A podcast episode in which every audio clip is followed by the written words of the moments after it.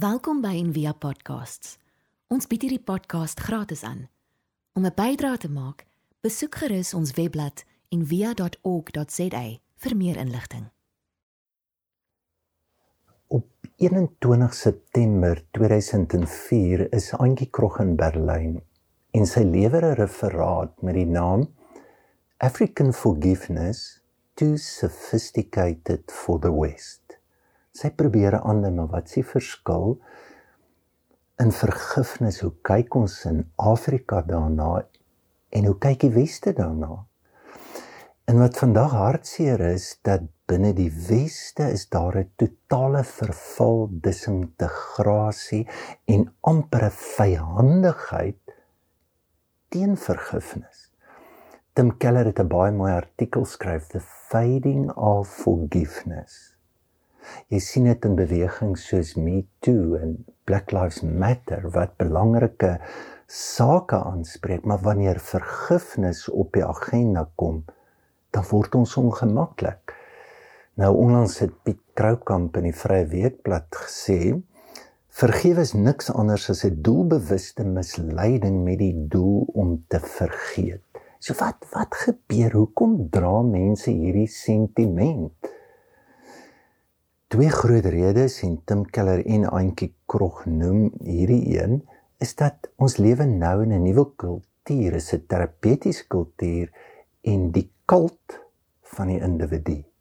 So dis wat tel.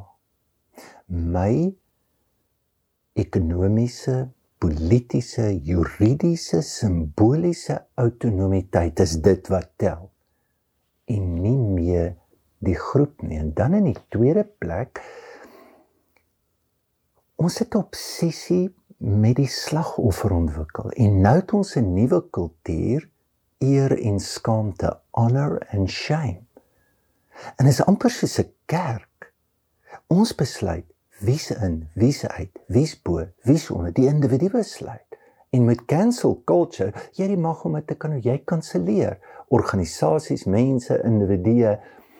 En dan as jy die slagoffer is, dan kry jy voorkeur. Alle maatskappye moet almal gelyk hanteer behalwe die slagoffer kry die voorkeur.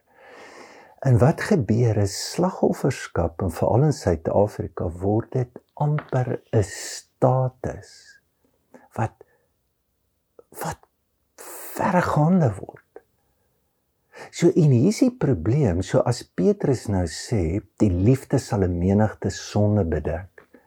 Die slagoffer kan nie dit bekostig. Hy wil nie gehelp word nie want dan verloor hy sy status en hy's nie meer 'n slagoffer nie.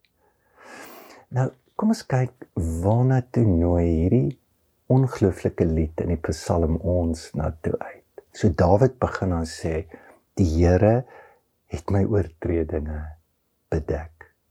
Is toegemaak. Die profeet sê so ver as wat die ooste van die weste is, so ver verwyder hy my oortredinge. Dawid in Psalm 51 in die boete Psalm wat hy sy oortreding met Batseba, sy moord wat wat hy dit in detail beskryf, dan sê en weet jy wat die Here was my witter dan die sneeu. Wat wat 'n beeld. En op een plek sê en die Here dink nie meer daaraan nie. Nou hier kom 'n probleem want so beteken vergifnis is gelyk aan vergeet en is vergeet dan nie 'n maklike cop out nie. En as jy sê ja, ons moet vergeet wat die Here vergeet, jy's nie die Here nie. Daar's baie goed wat jy nie kan doen nie. Jy's nie alomteenwoordig nie. Jy weet nie alles nie. Al dink jy daar's baie goed wat die Here doen wat die Here is wat ons nooit kan wees nie.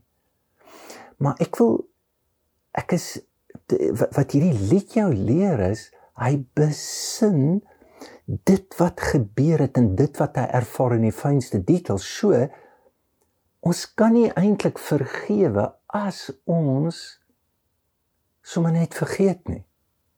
Dis deur te onthou met die groot volksmoorde in Rwanda baie mense kerke toe gehardloop en gaan bid vir hulle lewe. Hulle is doodgemaak met pangas doodgeslaan, maar die kerk het besluit ons hou hulle skedels daar. So om op 'n manier te sê en dit staan op baie kerke buitekant ons sal nie vergewe nie. So dit bring my by die tweede punt. So dit word bedek omdat ek dit regtig kan sê, kan verwoord en kan noem. Swaar vergifnis begin. So Dawid sê toe ek geswyg het, het my gebeente uitgeteer in my gebrul die hele dag. Het jy al jou liggaam voel protesteer? Het jou liggaam die pyn? En hier is net 'n beeld van 'n leeu wat praat. Het jy al die gebrul gevoel wat jou wil stop? Wat jou wil laat luister? vir die innerlike die geestelike werk wat nodig is. Dawid sê dis kom ek gestop het. Maar hy sê dit het gebeur omdat ek my mond gehou het. So hoe praat jy oor oortredings? Kyk en is een ding ons gaan seer gemaak word en ons sal moet vergewe. Maar ons vergeet hierdie gedeelte ook. Ons maak ook seer. Ons het ook vir onsself vergifnis nodig en ons het ook die vergifnis van ander nodig. So praat jy daaroor. As jy hoogmoedig is, as dit gaan net oor jou belange of jy dan dan sien nooit 'n behoefte hê om enigsins dit te doen nie. So in ons het 'n manier ons verontskuldig onsself. So Dawid vee sy spore toe. Hy lieg. Later lei dit na 'n moord toe. So kan ek praat oor wat werklik daar is van daarin lê die gawe. Psalm 51 sê Dawid, Here, U soek nie brandoffers. Dit is nie jou aanbidding nie. Jy hoef nie eens te bid nie. Jy hoef nie Hy sê U soek vir ootmoedige. Gaan nie meer oor jou belang of hoe jy lyk. Kan kan ek regtig sê want dit vra postuur dit dit vra dat dat ek eerlik moet wees dat ek gesien en erken word vir dit wat werklik daar is. Storieetjie van Repelsteeltjie is seker die mooiste wat dit vertel vir ons. So dis 'n pa wat 'n probleem het. Hy het 'n ego probleem. So hy probeer die koning beïndruk. So ons hele lewe, hoe lyk ek? Hoe lyk ek? Dis baie keer hoekom ek ook nie kan vergewe nie, maar wat gaan mense sê? Wat gaan hulle hoe gaan hulle oor my dink as hulle regtig weet wat ek gedoen het? So hier's 'n pa wat in daai ding vasgevang is. En dan sê jy, hoorie, my dogter kan van hoë goud spring. Hy hy hy offer eintlik sy dogter op. Dit is hoe wreed die ego is. En dan weet ons nou wat gebeur. Die dwergie kom in die aand en help, die dwergie kom in die aand en help aan die uiteinde van die saak is hy trou later met die koning, maar hier's die probleem. Die dwerg is nie so nice nie. Hy soek as seën. Jy betaal altyd 'n prys vir goed wat ons dink magic is. En dan hy sê die koningin se se seun. En dan sê sy kan nie asseblief en hy sê ek gee jou 3 dae dan moet jy my naam kan sê. En dan kry sy al die name maar sy kry dit nie reg nie. En dan daar in die woud dans die dwergie en hy noem sy naam en een van die wagters hoor dit en gaan sê vir die koningin en dan sê sy jy is repelsteeltjie en toe sê dit noem dan breek jy die vloek die spel en die boosheid. So Jeremia 6 vers 14 sê you can't heal a wound by saying it is not there. En ek moet vir julle sê my hare reis as ek dink in die land. Al die korrupsie die bedrog wat gepleeg is nog niemand sê voor die kus jammer dis en vinnig gaan daar stemme op om te sê hoor jy met ons amnestie gee moet ons 'n vinnige waarheids- en versieningskommissie hou dat ons hulle kan vryspreek jy sien in daai sin is die weersin oor vergifnis soos wat Piet Kroukamp voel en ander is daar verskriklike meriete in. Laaste ding wat ek wil noem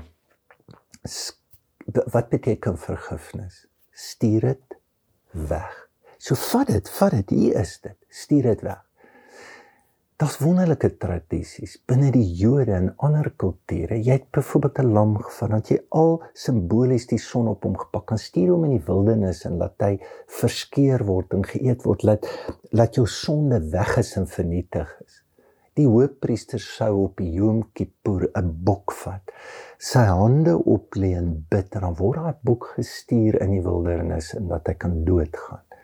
En so kyk die nasie. Dis 'n drama wat ontvou. Daar gaan dit en so word ons help as die bok terugkom en hulle die bok van die kranse afgestoot. Sê en dan het almal beter gevoel. Sê en en daar is iets in dit. Ons sien dit soos in die Vikings en films dat Joh, ek ek het nou 'n uitkoms nodig. Ons gaan nou dalk beklei teen 'n ander land, maar ek weet ons is ook nie so oulik nie. Kom ons doen net vergifnis of kom ons kry net weer die guns van die gode doen iets en dan voel ons almal beter en reg weer. Maar hier is die probleem niks verander binnekant nie. sien. Ons word meegesleer met die drama aan ons eie behoefte van vryspraak en vergifnis behalwe niks verander nie. Dit is interessant dat Jesus word die sondeboek genoem.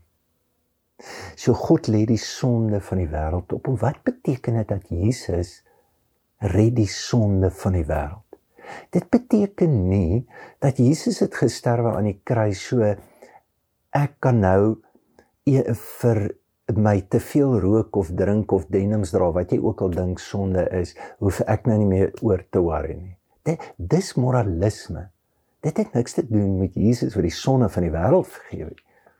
Hoe hy dit doen is, hy doen dit anderster. Hy's nie die sondebok wat wegloop en uitloop nie. Hy is die sonnebok wat bly binne die gemeenskap. Dit gaan nie oor die individu nie. En hy transformeer dit wat met hom gebeur binne homself en hy gee iets anderster terug. Dis vergifnis. Dis hoe hy die sonde van die wêreld wegneem deur 'n voorbeeld wat ek en jy ingenooi word dat ons dit ook kan doen. So maak hom seer, ja. Haat hom. Was baie wat hom haat. So hy neem dit op hom. Hy vat hy haat. Wat gee hy terug? Liefde. Kom daar jaloesie sy kant. Kom maar klein geestigheid sy kant. Word geprojekteer op hom, word dit gelê op hom. Ja, loop hy net weg? Dis wat ons baie keer doen, sny my af. Of ek wil net terugslaan neem dit op wat gee hy terug liefde Vader vergewe hulle hulle weet nie wat hulle doen. So vergifnis is wanneer jy jou behoefte om weer wraak te neem. Jy los dit.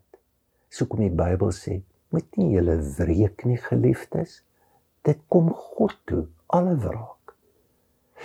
My reg wat ek het om terug te slaan, laat gaan ek. En my reg wat ek het om 'n slagoffer te word en daai boosheid en daai krag, want daar's geweldige krag om 'n slagoffer te wees. Dit gee ek ook oor. Dit stuur ek weg. En binne dit kry ek die vermoë om in 'n ander gees in die gees van God en liefde na mense terug te gaan. Wil jy nie dit laat gaan wat jou liggaam op die oomblik gevange geneem het? Die Hebreërskrywer sê, hy sê in Hebreërs 12 vers 15, laat daar nie 'n wortel van bitterheid in julle opskiet. Dit is baie keer klein. Weet jy wat doen 'n wortel? dit word 'n boom. Dit neem jou lewe op. Dit vernietig jou. Wil jy dit nie wegstuur deur die genade van die Here? Kom ons bid daarvoor. Here, dankie vir die kruis. Dankie vir die krag van vergifnis. Dat wanneer ons daai reg opgee dat daar iets groots een van die grootste wonderwerke in hierdie selle en in hierdie geesteswêreld gebeur. gee ons die genade om te kan vergewe. Amen. Baie dankie dat jy ver oggend saam gekuier het. Baie dankie ook vir julle ondersteuning aan Envia. As jy nou so voel, dan kan jy deur SnapScan 'n bydrae maak of jy kan sommer op die web gaan. Daar is verskillende plekke, bedieninge waarvoor jy kan gee waar jou hart ook al geroer word. Daar's 'n plekke of jy kan net ondersteun. Al die gegevens is ook daar. Baie dankie en mag jy voel hoe jy lig word en mag jy voel hoe die vreugde en die vrede wat kom om ander te vergewe jou lewe oppas en bewaar. Ons hoop van harte jy het hierdie podcast geniet of raadsaam gevind. Besoek gerus en via.ok.za vir meer inligting.